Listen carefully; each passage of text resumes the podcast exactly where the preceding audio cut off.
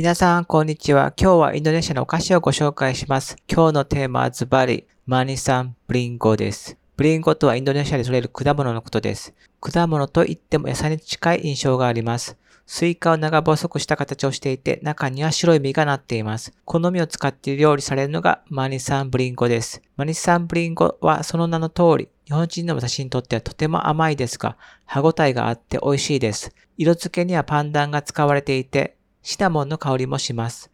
ギザギザに切り込みが入っていることでさらに食欲を誘います。